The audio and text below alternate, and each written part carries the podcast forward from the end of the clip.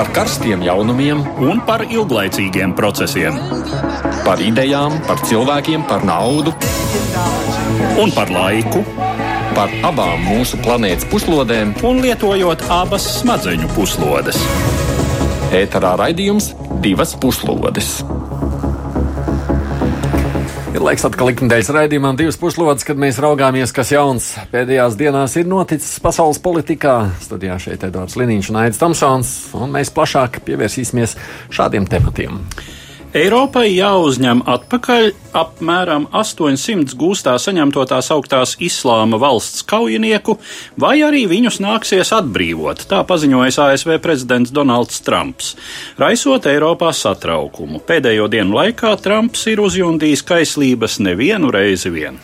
Pēc terora akta Kašmiras štatā atkal ir aktivizējies vecais konflikts starp Indiju un Pakistānu. Tāds ilgāks gads par šo spriedzi bija piemirsts, bet, nu, ir laiks pievērsties abu valstu sarežģītajām attiecībām. Un valsts profilā šoreiz būs Irāna. Aktīvi cenšoties īstenot savas intereses tuvajos austrumos, Irāna kļuvusi par vēl vienu klupšanas akmeni Eiropas un ASV attiecībās. Turklāt būtiska loma attiecību daudzstūrī ir arī Krievijai. Klausītāji kā parasti ir aicināti komentēt, sūtot ziņas mūsu Mājaslapā raidījumam Latvijas Radio 1. Tātad savukārt Twitter lietotāji aicinātu atbildēt jautājumu, vai jūsuprāt, Daīša kaujinieks, nu, tātad, kas uz Sīriju devās no Eiropas, vai būtu jātiesā Eiropā? Jā vai nē? Mēs tā kā aicinām tātad Twitter jautājumu, jūs varat atrast Latvijas radio viens kontā, izmantojiet šo iespēju un tad tuvākajā laikā arī nobalsojiet. Un šobrīd studijā bez mums ir arī Rīgas Stradiņu universitātes pasniedzējs Māris Anģāns. Labdien! Labdien un starptautisko attiecību studente Katrīna Marija Sitniece. Labdien! Bet vispirms dažas ziņas īsumā.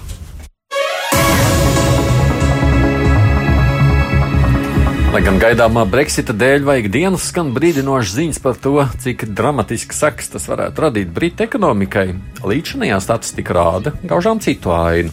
Darba vietu skaits aug, algas arī. Nodarbināto cilvēku skaits Lielbritānijā gada nogalē sasniedz 32,6 miljonus, kas esot visu laiku augstākais līmenis, kopš vispār statistika tiek apkopota. Bezdarbs decembrī veidoja 4%, tam arī saglabājoties nemainīgam un zemākajā līmenī kopš 1975. gada.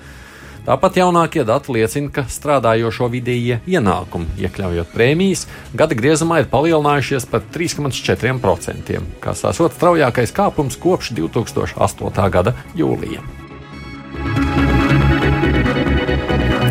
Protams, līdzinājās labās ziņas nenozīmē, ka arī nākotne Britiem ir tikpat gaiša.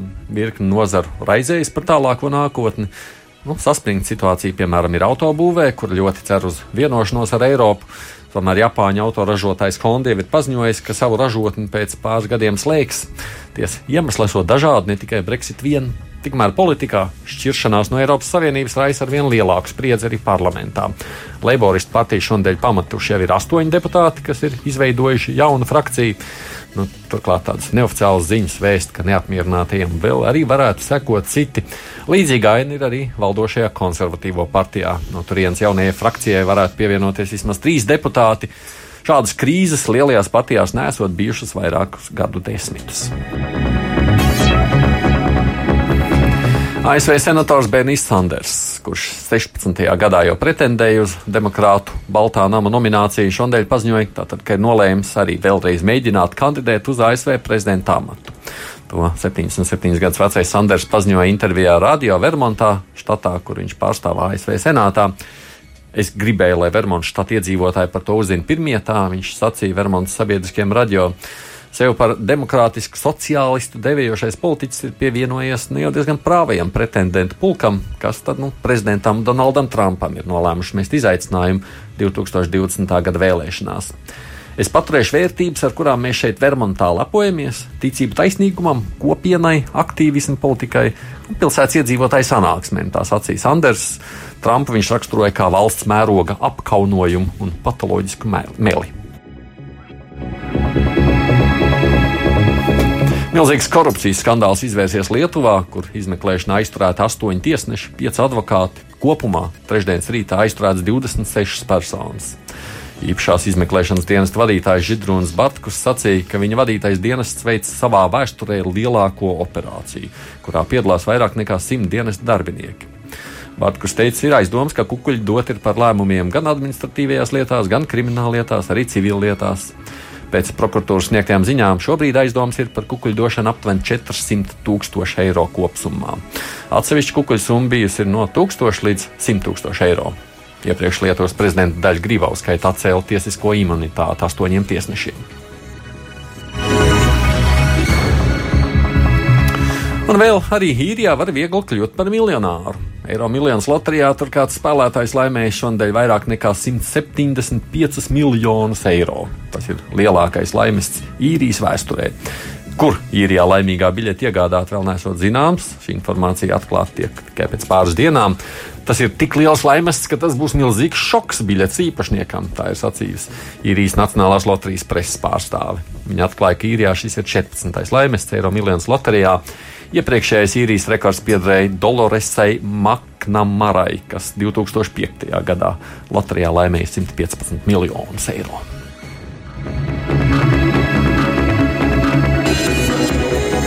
Nu, tā dažas ziņas, bet nu, tagad turpinām par sākumā minētajiem tematiem plašāk. Nozīmējot šos dažādu valstu profilus, šodien vispirms runāsim par Irānu. Visjaunākais posms, vairāk nekā 2,5 tūkstošu gadu ilgajā Irānas valsts vēsturē, iesākās 1979. gadā, kad Islāma revolūcijā gāja bojā Šaha Mohameda Rezē Pehlevī režīms. Gan Šaha autoritārās varas iedibināšanās militārā apvērsumā 1953. gadā, gan tās pastāvēšana bija cieši saistīta ar Lielbritānijas un ASV ietekmi, pamatā vēlmi saglabāt kontroli pār Irānas naftas resursiem. No vienas puses, šaha režīms centās rietumnieciskot un sekularizēt sabiedrību, īstenoja ekonomiski produktīvas reformas, no otras puses, tas brutāli apspieda jebkādu politisku opozīciju. Tas, ar ko domājams nebija rēķinājušies šaha Mohameda rietumu sabiedrotie, bija sabiedrības pretestības centrēšanās ap konservatīvi islāmiskajām vērtībām. 1979. gada Islāma revolūcija pārvērta Irānu no rietumniecisku orientētas diktatūras par totalitāri teokrātisku valsti Irānas Islāma republiku. Par noteicošo personu kļuva Islāma garīgais līderis jeb Ajatolla Ruholāhs Homeinī. Irānas attiecības ar Savienotajām valstīm fundamentāli sabojāja radikāli noskaņotu studentu iebrukums amerikāņu vēstniecībā Teherānā 1979. gada novembrī, saņemot un vairāk nekā gadu turot gūstā 52 ASV pilsoņus. Nekādas spožās nebija arī attiecības ar PSRS, kas tieši tobrīd bija okupējusi Afganistānu, kur Irāna atbalstīja šīītu pretošanās kustības grupas. Valsts nonāca starptautiskā izolācijā, kas 1980. gadā pamudināja uz militāru avantūru kaimiņu valsts Irākas diktatoru Sadamu Huseinu. Irākas-Irānas karš ilga nepilnus astoņus gadus, prasīja simtiem tūkstošu dzīvību un beidzās bez būtiskiem ieguvumiem vienai vai otrai pusē. Arī ar vairumu citu reģionu valstu Irānai veidojās saspringts attiecības. Jau vēsturiski tā bijusi savrupa no pārējās islāma pasaules kā valsts ar šīītu islāma dominanti. Tagad tā tika uzlūkota kā radikalizācijas perēklis un uzvarējušas islāma revolūcijas piemērs, kas šķita bīstams teju visiem tuvo austrumu līderiem. Irāna regulāri sniegus atbalstu šītu grupējumiem aiz tās robežām. Sevišķi cieši sabiedrotais ir Libānas šītu kustība Hezbollah, kuru daudzas valsts uzskata par teroristisku. Sevišķi saspringts ir Irānas attiecības ar Saūda-Arābiju, un daži komentētāji šo pretstāvu pat raksturo kā tuvo austrumu augsto karu. Pēc Ajatolas Homēnī aiziešanas mūžībā 1989. gadā Irānas valdība sāka realizēt pragmatiskāku uz ekonomisko izaugsmu vērstu politiku. Tomēr konservatīvā islāma noskaņojums sabiedrībā joprojām paliek visai ietekmīgs. Kopš šī gadsimta sākuma bažas starptautiskajā sabiedrībā raisīja Irānas kodolizpētes programma, kas iespējams bija mēģinājums iegūt savu kodolieroču arsenālu. Tas bija iemesls ANO noteiktām ekonomiskajām sankcijām, kas radīja valstī valstī nopietnas ekonomiskās problēmas. Kā pozitīvs pavērsiens Irānas un Rietumu dialogā tiek raksturot samērā mērenā politiķa Hasanu Ruhāni ievēlēšana par Irānas prezidentu 2013. gadā. 2015. gadā tika noslēgts sešu valstu grupas - ASV, Lielbritānijas, Francijas, Vācijas, Ķīnas un Krievijas - vienošanās ar Irānu par sankciju atcelšanu, Irānai garantējot atteikšanos no kodolieroču izstrādes. Pagājušā gada maijā prezidentam Trumpam deklarējot šīs vienošanās neefektivitāti, Savienotās valstis izstājās no vienošanās un atsāka sankciju režīmu īstenošanu pret Irānu.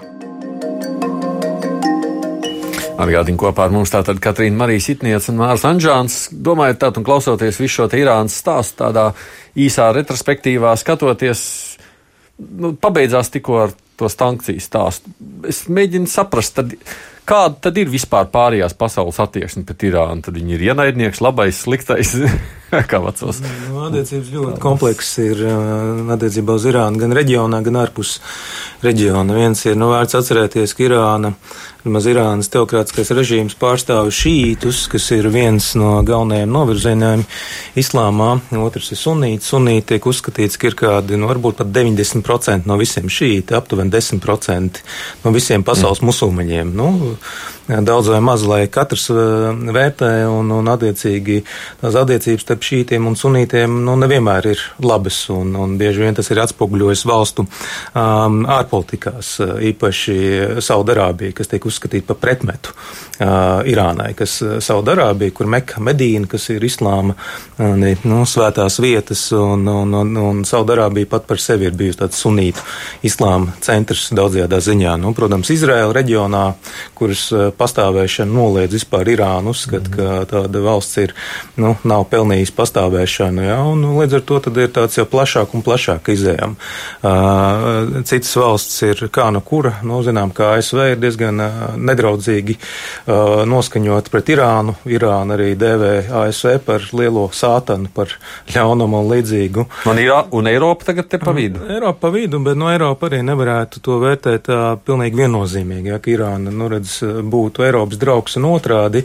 Tā vairāk ir tāda apstākļu sakritība transatlantiskajā krīzē, kas ir starp Eiropu un ASV. Eiropas Savienības nostāja, nu, manā skatījumā, vairāk tāda principiāla ir.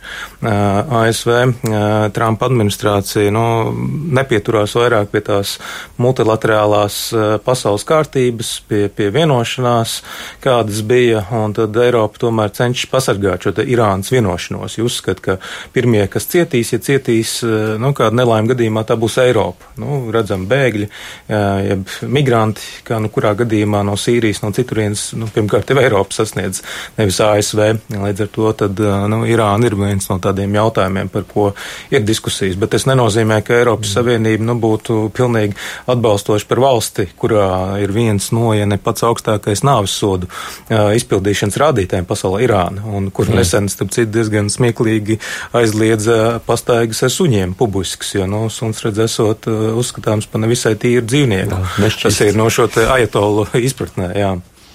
Uh, ja vispār skatāmies, nu, mēs runājam arī par Irānas interesēm. Nu, labi, tur mēģina. Kā mēs varētu definēt, kas tad ir Irānas intereses vispār? Es domāju, ka ir ļoti jāskatās vēsturē un ir jāskatās uz to, ka pati revolūcija uh, ļoti lielā mērā ir saistīta tieši ar iepriekšējo rietumu ietekmi Irānā un ar to, kā šie cilvēki sabiedrība jutās uh, apspiesta no rietumu ideāliem.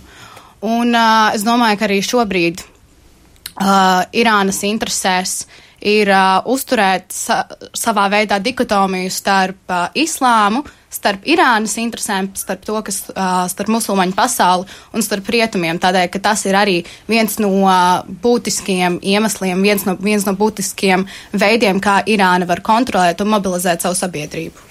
Bet, ja nu, tās intereses ir kas tās ir ekonomiskas intereses, tās ir biznesa intereses, reliģiskas intereses, kas, kā mēs to varētu nu, nosaukt? Interešu kopums. Nu, nevienai valstī nav tikai viens, viena veida intereses. Nu, katra valsts pirmkārt rūpējas par savu izdzīvošanu, par saviem pilsoņiem. Jā, bet viņi aktīvi iesaistās arī starptautiskajās lietās. Sīrija ļoti aktīvi darbojas. Tiek uzskatīts nerad, ka mm, tas nedaudz pārspīlēts, ka Irāna kontrolē četras citas galvaspilsētas, kas ir Bagdāda, restīvi Irāka, mm, tālāk, kas ir Sana Jemena, kur tur ir savas problēmas, Damaska, Sīrija un arī Libāna. Mm -hmm. nu, tur, tur ir saka, dažādi jautājumi. Nu, tik traki nav, bet nu, Irāna skaidrs, ka cenšas veicināt, ir veicinājusi varbūt savu tipu pārval, pārvaldību, ko neviena valsts tā īsti nav pieņēmusi, ka ir teokrātisks val, val, vadītājs, jeb nu, kliķe, un, un tad it kā pa pusē demokrātija, kur arī ir nu, vēlēta pārvaldībā. Nu, protams, nu, katra valsts cenšas paplašināt savu ietekmi, nu, vēlas, lai citi dzīvo līdzīgi, lai attīst ekonomiskās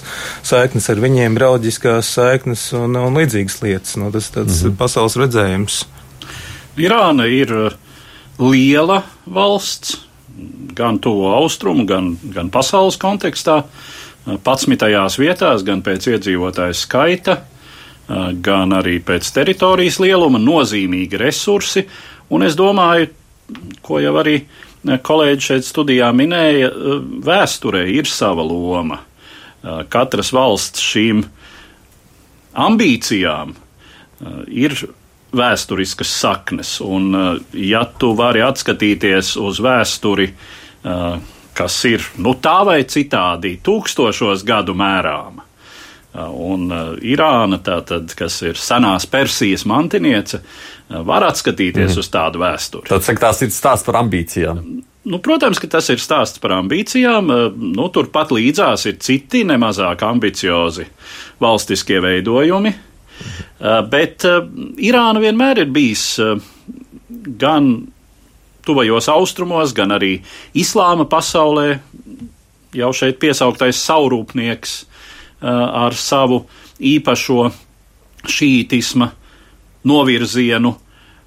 Un tā ir tāda, acīm redzot, arī lielā mērā nacionāla mentalitāte šai nācijai, Um, turēties uh, saurup, sevi apliecināt kā nozīmīgu spēku. Nu, tas vienmēr ir bijis tojos austrumos. Irāna ir konkurējusi par ietekmi ar Turciju vairākus gadsimtus, un, teiksim, Mezopotāmija ir bijis tas reģions, kur uh, šīs robežas ir bīdījušās šurpu un turpu. Uh, nu, tad pēc tam tur parādījās um, Eiropas koloniālās varas, kas Irānas gadījumā bija Lielbritānija un Krievija. Eh, kas dalīja Irānu ietekmes sfērās nu, faktiski līdz pat eh, pagājušā gadsimta vidum. Otrā pasaules kara laikā Irāna bija daļēji okupēta. Dienvidos tas bija Britu karaspēks, ziemeļos tas bija Padomju karaspēks. Un uh, otrā pasaules kara beigās pat bija jautājums, vai Staļins izvāks sarkano armiju no Irānas ziemeļiem. Nu, tomēr izvāca.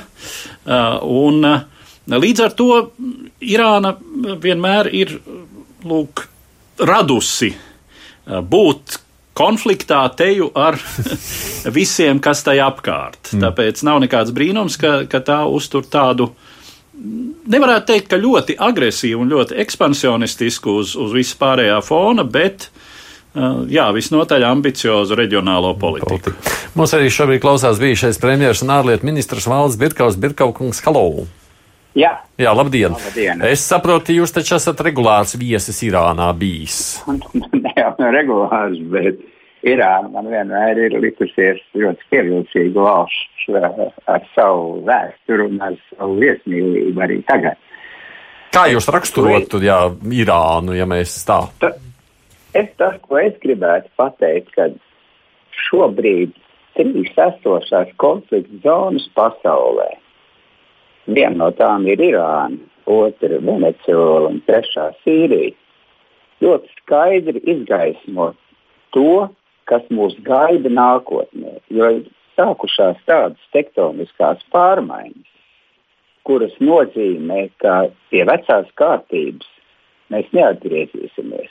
Arī pēc Trumpa ASV vairs nebūs tā pati.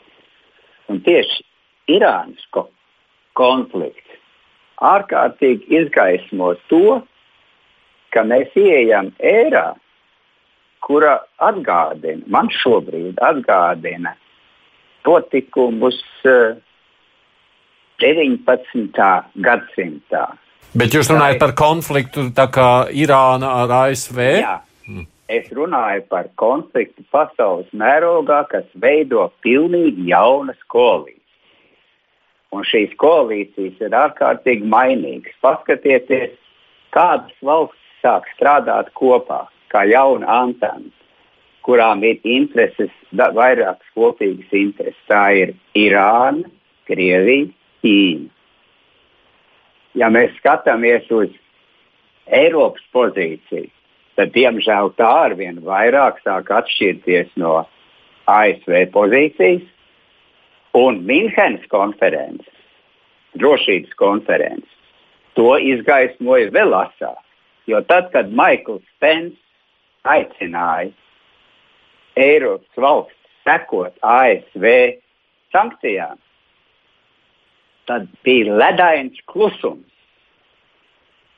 Un pēc tam Maikls Pence gan uzstājās pēc Merkeles, bet Merkele atteicās no visiem diplomātiskiem jaukumiem, tā sakot, un mīkstinājumiem, un skaidri nodefinēja,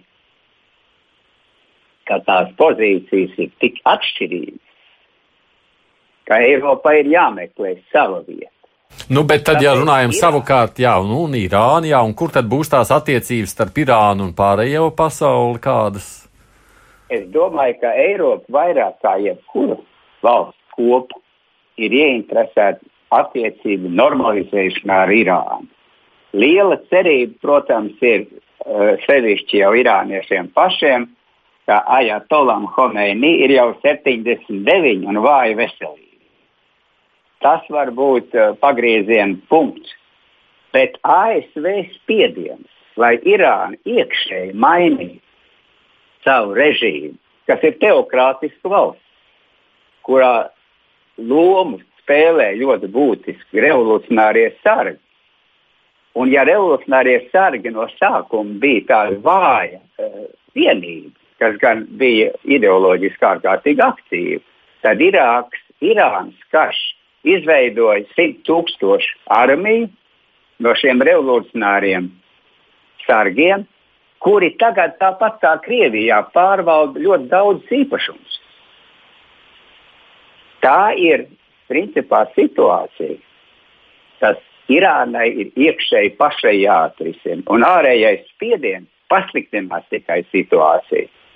Tāpēc Eiropas Savienības pozīcija šobrīd ir uh, nenoteikta, lai gan ir tiek izpausts, ka vajadzētu noregulēt attiecības, bet Eiropas līderi vienkārši baidās. Viņi baidās no Trumpa, jo Trumps ir atriebīgs. Pamēģini pateikt skaidru un gaišu, un tu saņemsi spēcīgu sitienu pretī. Valdi Birkā, es jums labprāt, protams, klausītos stundu, bet nu, mums tas laiks ir ierobežots, tāpēc es jums saku paldies par to, ko tik tālu sacījāt. Valds Birkaus, kurš ir bijušais premjerministrs un ārlietu ministrs, bet nu, šīs divas nianses.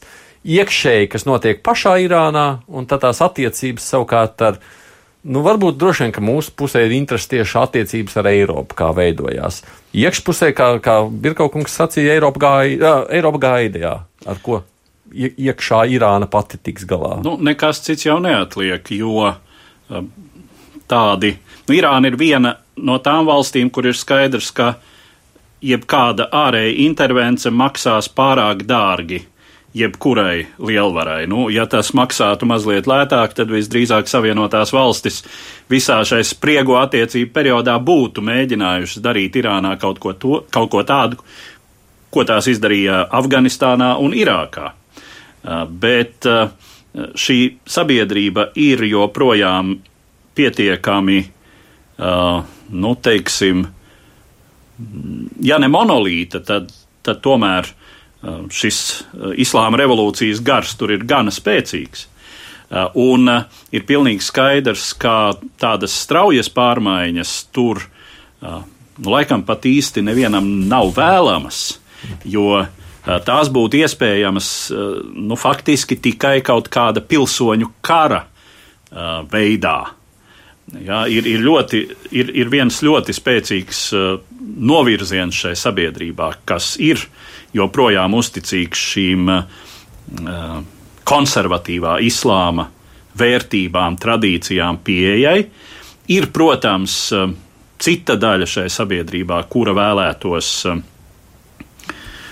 teiksim, rietumnieciskāku, varbūt, dzīves kārtību un modeli, bet visdrīzāk, nu, tā tad mainīt kaut ko var tikai tiešām pakāpenisku reformu ceļā un uh, un tikai šī sabiedrība iekšēji kaut kā vienojoties. Nu jā, nu jā, pat par sevi tur iekšēji spriedz droši vien pastāv. Un tā, tā problēma vēl, protams, tas, ko Birkau kungs arī teica, ka šī pie varas esošā elite, kas, teiksim, pirms 40 gadiem bija šie jaunie studenti, kas cēla barikādes un gāza šahu un pēc tam ieņēma Savienoto Valstu vēstniecību un tā tālāk. Viņi tagad ir kļuvuši par situējušamies Um, režīma konjunktūru, kuriem tiešām ir īpašumi, ir uh, varas resurss, ir ekonomiskais resurss, uh, kas, protams, ļoti daudziem Irānas sabiedrībā nepatīk. Uh, jo tur ir, tur ir korupcija, tur ir varas resursu izmantošana personīgās interesēs un tā tālāk.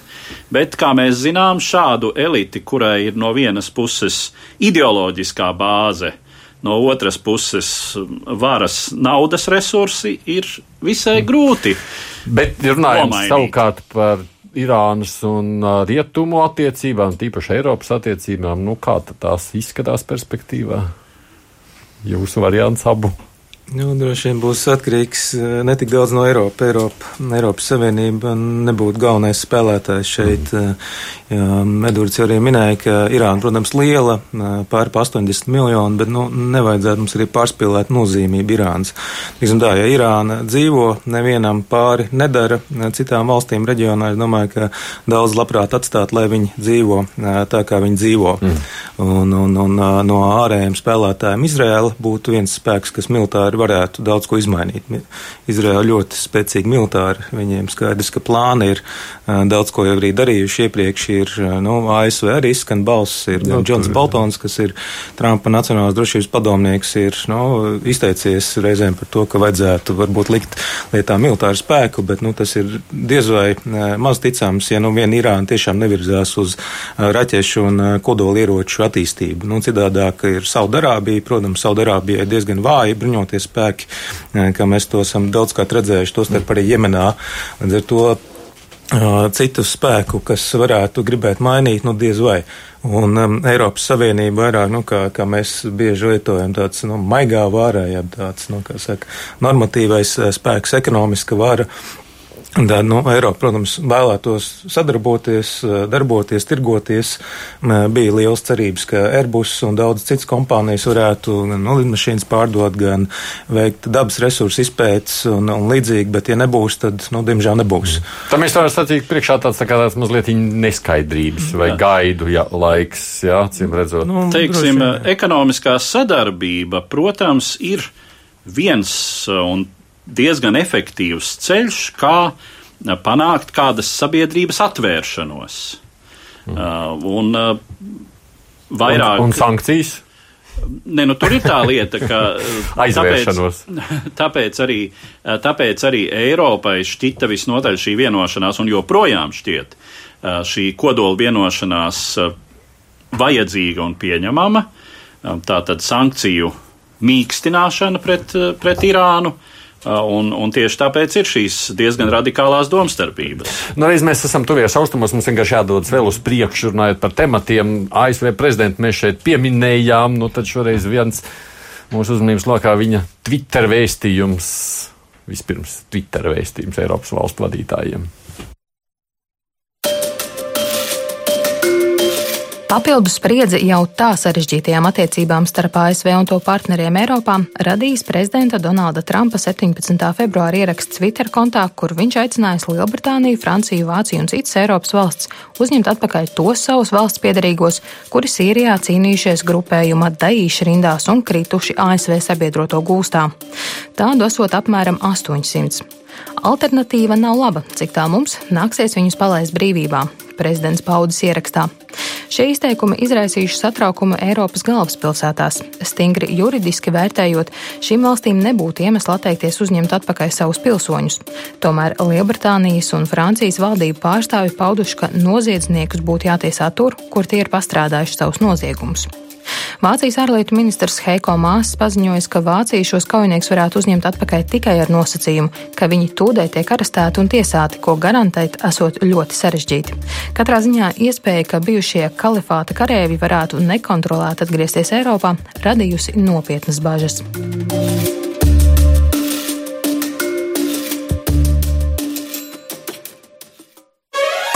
Divas puslodes! Atgādījums studijā bez mums ir Edvards Liniņš, arī Rīgas Traģiņu universitātes starptautisko attiecību studenta Katrīna Marija Sitniec un arī pasniedzējs Mārs Anžāns. Nu, vai nav loģiski no otras puses, kad, nu, ja, kā, pieņemsim no Latvijas, kādi būtu aizbraukuši desmit, nu, mēs taču sacītu, nu, redz, tagad viņi tur ir saņemti gūstā, nu, kam tad citam, ja ne mums rūpēties par to, lai viņus tālāk tiesātu, vai ne tā? Nu, grūti pateikt, bet, uh, nu, jā, es, es piekritīšu. Uh, Tādēļ, ka es domāju, ka valsts tomēr ir atbildīga par saviem pilsoņiem. Un pat ja viņi ir aizbrauc karot, tad tomēr valsts ir tā, kur, kur, kurš tad cits viņus ņems. Te jāņem atpakaļ. Vienīgais tas, ka nu, būs ļoti liels hauss tagad. Trumpam taisnība. Kaut kādā, nu. kaut kādā mērā, jā. jā. Nu, juridiski laikam ir tā, ka nezinu, neesmu kompetents par visu Eiropas valstu likumdošanu. Nu, Latvijas likumdošana, kā zināms, paredz kriminālu sodu, jā. neatkarīgi no kādiem kara noziegumiem, bet par piedalīšanos militārā konfliktā bez valdības akceptē. Nu, mums, jau vis, mums jau ir precedenti bijuši stāsti par Ukrainu, runājot, austrumu Ukrainu. Nu, ir jā. arī par islāma valsts precedents. Jā, pa, laikam, no, no, no, jā, pareizi, jā, viens gadījums. Jā, viens gadījums. Tas jaunēts ir līdz ar jā, to. Jā. Latvija varētu Trumpam piedāvāt, redz, ka, nu, praksa ir. Jā, redz, tā, ka, ja izrādītos, ja izrādītos vēl kāds, par kuru būtu skaidri pierādāms, ka viņš tur ir bijis un karojis no Latvijas islāma valsts pusē, šī kalifāta pusē, tad viņš, eh, viņam būtu garantēta nonākšana aiz restēm mm -hmm. vai vismaz uz, nu, uz uh, tiesājamo sola. Jā, Latvijā. bet, bet Lielbritānijā jau bažas, ka tur pilsonība atņems tādam cilvēkam. Jā, nu, tur jau viens gadījums ir izskanējis. Šobrīd ir divi. Viena ASV pilsone, kurai nu, tiek, tiek informēts, ka viņai pilsonība ir atņemta vai tiek atņemta līdzīgi arī Lielbritānijā. Mm. Bet nu, pilsonību drīkst atņemt tikai tad, par, par bezvalstnieku nu, nevar gluži cilvēku padarīt. Ir jābūt viņam nu, dubult pilsonībai vai iespēja saņemt kādas citas valsts pilsonību. Jā. Un tur arī visādi. Latvijā mums ir bezvalstnieki. Tā kā mums. Uh, nu, nepilsoņi nav bezvalstnieki bezvalstnieki. Viņi ir valsts, piedrīgie. Jā, bet bezvalstnieki, nu, jā, taisnība. Labprātīgi var kļūt par bezvalstnieku. Jā, bet, bet... Nu, jautājums pilnīgi noteikti ir ļoti nozīmīgs. Tas Trumpa tvīts, viņš vairāk ir tāds, nu, viņš kā šovu veidotājs, nu, paceļ, izceļ lietas, bet tā problēma ir ļoti nopietna un neatkarīgi no Trumpa tvīta. Eiropā to ļoti labi apzinās tādās valstīs kā Vācijā, apvienotajā karalistē, Beļģijā, Francijā, Zviedrijā, nu, kur ir labi daudz aizbraukuši un noteikti, ka daļa jau ir atpakaļ atpakaļ. Ja cilvēks eh, nu, izbrauc uz ārzemēm, arī kāds Latvijas, eh, Latvijas pilsonis, nu, kā var zināt, kur viņš ir bijis, ko viņš ir darījis, un atbrauc atpakaļ.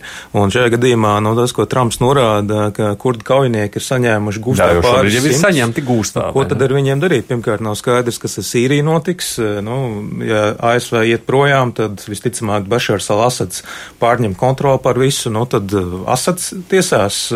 Nu, tas arī interesants jautājums. Um, un, un, un šādā situācijā pat, ja tā tiesa notiek, uh, nu, tur, tur tādas lietas kā nāvsodi nav retums, un, jā, nu, ārvalstu pilsoņiem tāda um, lieta tiek piespriesta, nu, tad arī tām valstīm, kuru pilsoņi ir, viņiem, nu, pienāktos pārstāvēt šos mm -hmm. pilsoņus. Labi, un kur ir Eiropas problēma? Kāpēc tad neņemt atpakaļ un netiesāt? Ne nu, šķiet, ka Uh, kā jau kolēģi norāda, vispirms jau ir runa par to, ka labi, mēs zinām, ir 800 gūstā saņemto, bet mēs nezinām, cik ir tādu, kas tur ir kādu laiku bijuši un jau atgriezušies, cik tur vēl ir tādu, kura, kuri, nu, teiksim, pēdējiem šiem islāma valsts atbalsta punktiem beidzot pastāvēt, vai, vai jau, teiksim, teorētiski pārņemtā, jā, nu tātad, vai, vai teorētiski pārņemtajā teritorijā arī vēl joprojām neatrodas kādas grupas, to absolūti nevar garantēt. Tā kā šādu cilvēku atgriešanās Eiropas valstīs droši vien jau notiek un, un notiks, bet, nu, runājot par,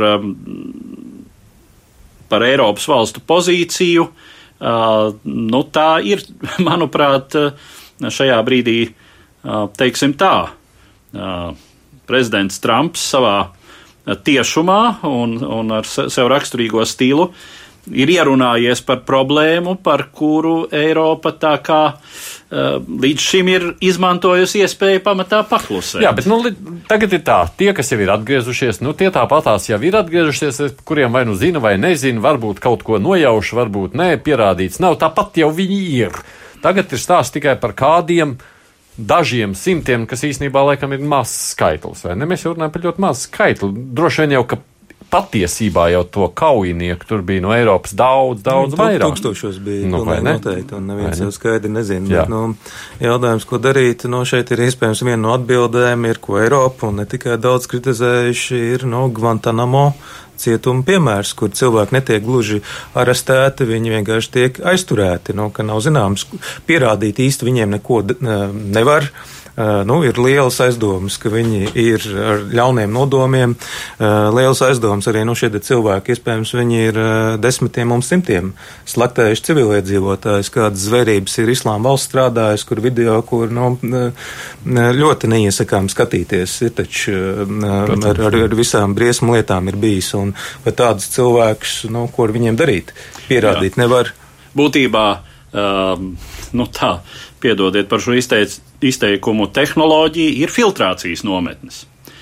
Filtrācijas nometnes, kādas nebija problēmu, teiksim, izveidot Otrā pasaules kara noslēgumā, nu, pirmām kārtām jau, protams, padomju režīmam toreizējam, bet, nu, zināmi līdzīgi veidojumi bija arī rietumu sabiedroto teritorijās, kurās aizdomīgas personas tika kādu laiku turētas, līdz tika noskaidrots, ko tad viņi ir darījuši, vai viņi ir tiesājami, par ko viņi ir tiesājami.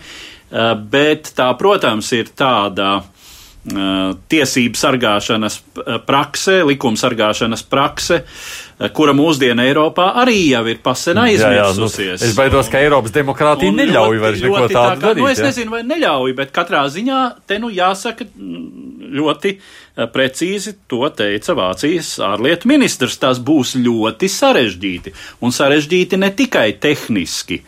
Bet uh, arī mm. no tā viedokļa, ka kaut kas tāds, protams, piesaistīs uh, preses, protams, piesaistīs uh, um, dažādu sabiedrisku organizāciju, politisku spēku uzmanību, uh, bet, uh, nu jā, kur tu no tā dēsies? Jā. Kā tas beigsies, jūs prāt? Laiks rādīs. Grūti teikt.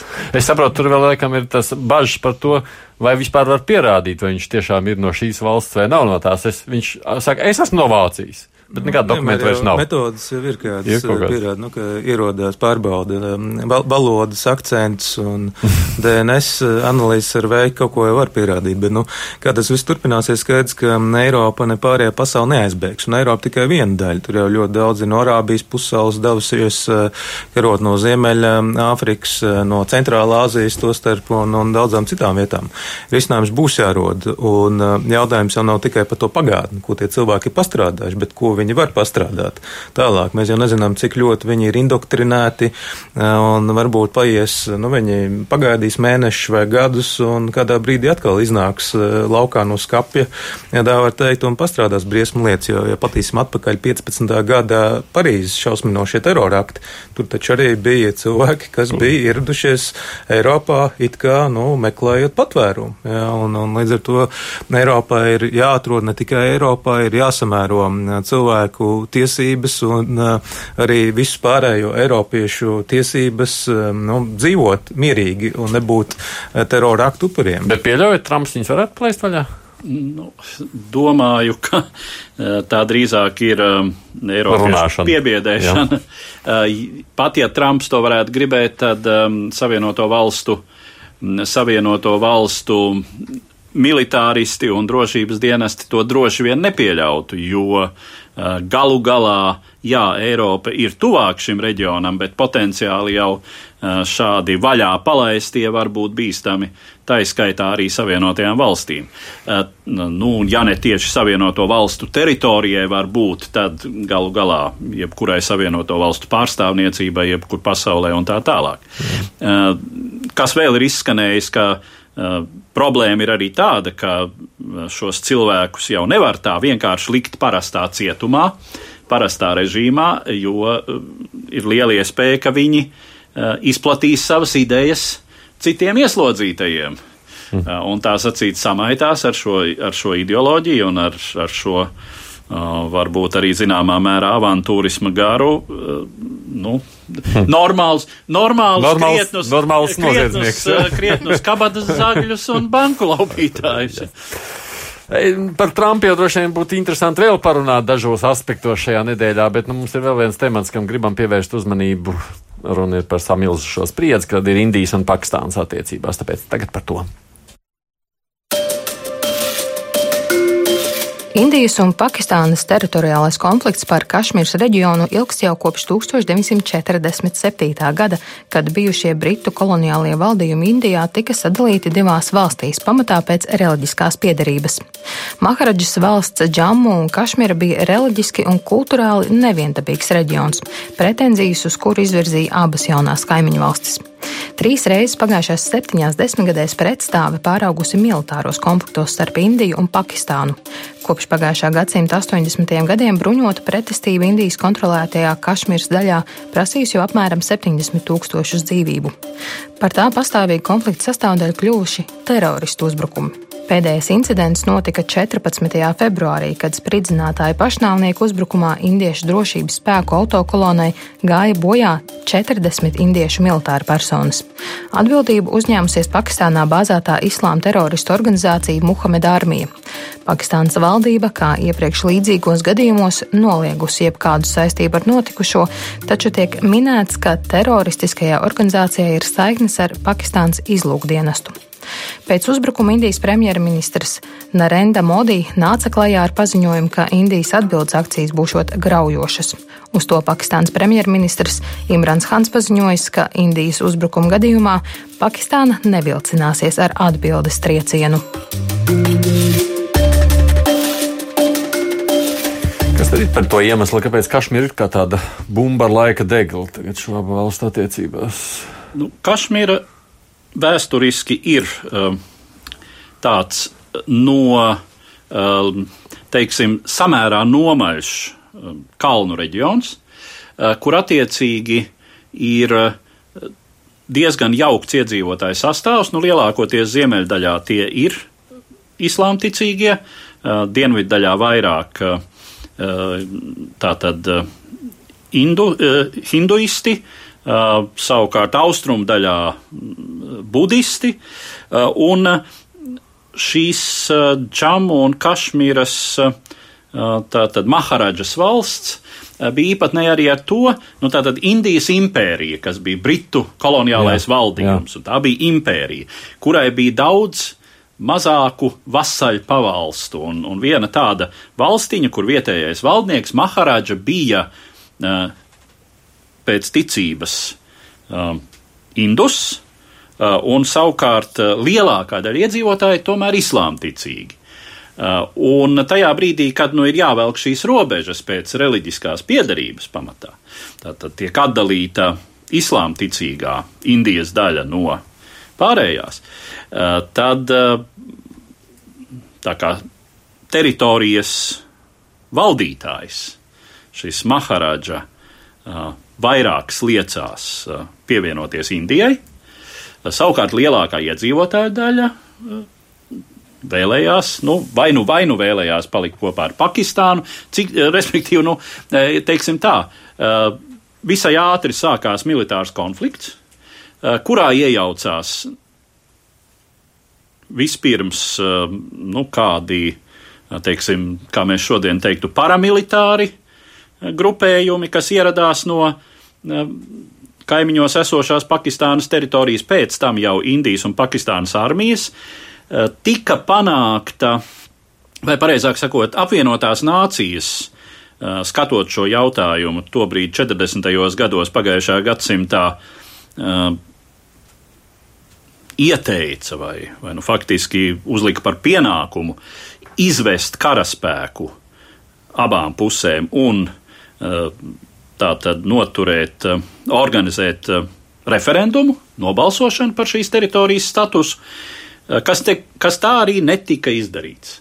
Un joprojām abas puses, tā sacīt, norāda, ka mēs izvedīsim savu karaspēku tad, kad to izdarīs otra puse.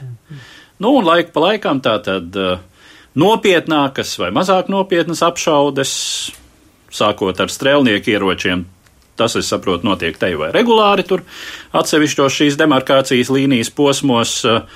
Un, nu, bet laiku pa laikam tur tiek laista darbā artilērija, arī dzen no vienas vai no otras puses. Nu, arī šie teroristu uzbrukumi, kas pamatā ir islāma teroristi. Jāsaka uzreiz, ka vēsturiski vainas ir abās pusēs noziegumi pret civiliedzīvotājiem. Nav tā, ka teiksim, mēs varētu teikt, ka Pakistāna ir sliktie Jā. vai Indija ir sliktie. Um, tur ir ļoti, ļoti šī vēsture ir, ir, ir ļoti dramatiska, upuriem bagāta no abām pusēm. Es atceros 90. gados. Nu, man liekas, ka tur bija tāds laiks, kad nu, būtībā Kašmīra gandrīz bija tikai vienīgi ziņās.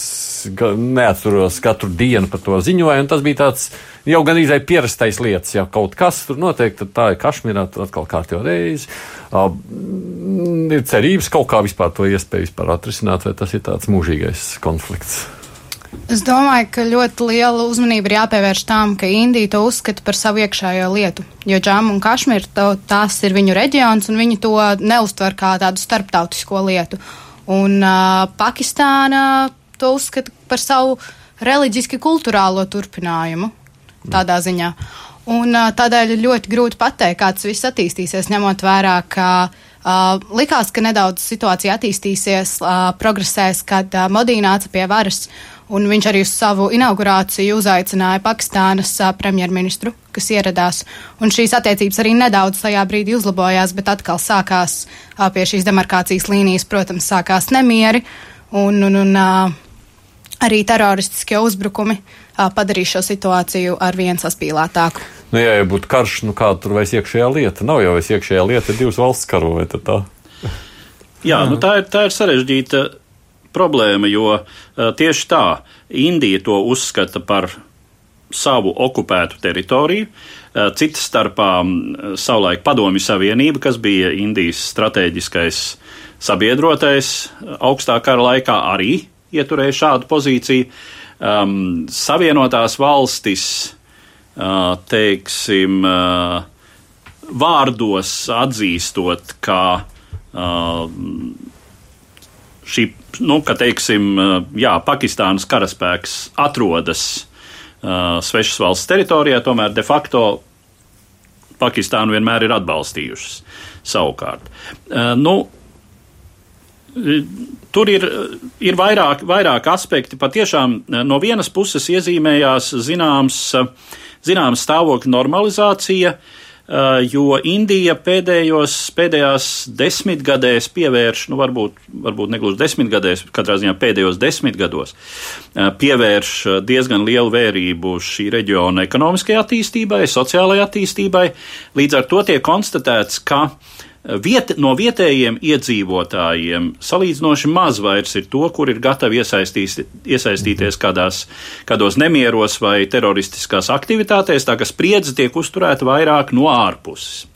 Uh, un uh, Pakistānas interese ir ne tikai reliģio, reliģiska uh, vai kultūrāla. Ir te ļoti nozīmīgs faktors ir Pakistānas armija, kurai šai valstī ir tradicionāli ļoti liela ietekme, eh, ļoti liels militārais budžets, un, protams, kā militārais budžets vienmēr tiek attaisnots ar kādu militāru spriedzi. Jā, bet vai mums ir bažas par to, ka tas varētu pāraukt tādā plašā, ja tiešām militārā konfliktā jau starp divām valstīm? Atcerēsimies, ka abas valstis ir kodola valstis. Pasaulē deviņas aptuveni, kuras atzīst, kuras neatzīst.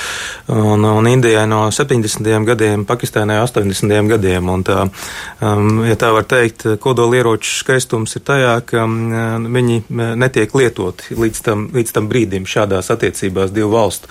Un uh, kodola ieroči Pakistānas Indijas attiecībās novērš vispārēju karu starp abām mm. valstīm, ko nu, nevarētu pilnībā izslēgt. Un tas uh, ļauj uh, konfliktiem uzvirmot, bet līdz noteiktai robežai. Jo, ja viena puse ies pārāk tālu, tad otra dos pretī ar kodolieročiem. Un tas nav neviena interesēs, tad tas var novest pie apusējas iznīcības. Ja, bet lietas, kas varētu mainīt, uh, ko jau Edvards stāstīja par iekšējiem uh, jautājumiem, bet uh, vēl ir arī ārvalstu ieteikumi. Viens ir ASV, jau arī minēja, ka Padomu Savienība bija vairāk kā Indijas strateģisks partneris, tad ASV sadarbojās vairāk ar Pakistānu, bet Trumpa laikā tā sadarbība ir pierimusi. ASV ir samazinājusi palīdzību finansiālo Pakistānai, sūdot Pakistānu par teroristu atbalstīšanu, par Afganistānas destabilizāciju un līdzīgiem jautājumiem. Līdz ar to ASV nedaudz paiet malā, bet Ķīna nāk iekšā. Ķīna ir, starp citu, arī viens no spēlētājiem Kašmirā, jo Pakistāna Ķīnai savā laikā nodeva daļu uh, Kašmiras teritorijas savā pārvaldībā, un tur nav, tas nav tikai jautājums starp divām, bet starp trim mm. valstīm. Jā, Ķīna, Ķīna arī dzen, okupēja daļu Indijai piedarošas teritorijas. Mm. Nu jā, un šobrīd nu, daudzi noteikti ir dzirdējuši par augošo Ķīnu un Ķīnas jostas un ceļu iniciatīvu. Un šobrīd Ķīna tieši caur Pakistānu, caur, caur šo te Pakistānas daļu, veido vienu no jostas un ceļa iniciatīvas atziriem, tātad transporta koridoru, mhm. tāpat Pakistānā būvē kodola spēkstacijas un līdzīgas lietas. Un, nu, arī Pakistānas ziemeļdaļā ir uztraukums arī par Ķīnas augošo varu, par to, kāda Ķīnieši jauniešu patiesie mēķi, bet nu, no eh, vienas puses arī eh, šeit eh, nav vieglināšas attiecības starp Indiju un Ķīnu. Tā, tas ir tāds trīsstūrs vai daudzstūrs. Ja, nav tikai Pakistāna un Indija, bet diezgan naidīgs attiecības starp Indiju un Ķīnu. Arī nesen bija cits robežu konflikts aktualizējās starp Butānu, Indiju un Pakistānu, kur Indija gāja aizstāvēt Butānu pret bet tam, Ķīnu. Jā, bet, nu, skatoties, ja man tāda jāpasaka desmit sekundēs, būtībā ir stāsts par to, ka šis, nu, cerams, beigsies šādā, nu, tādā lokālā konfliktā.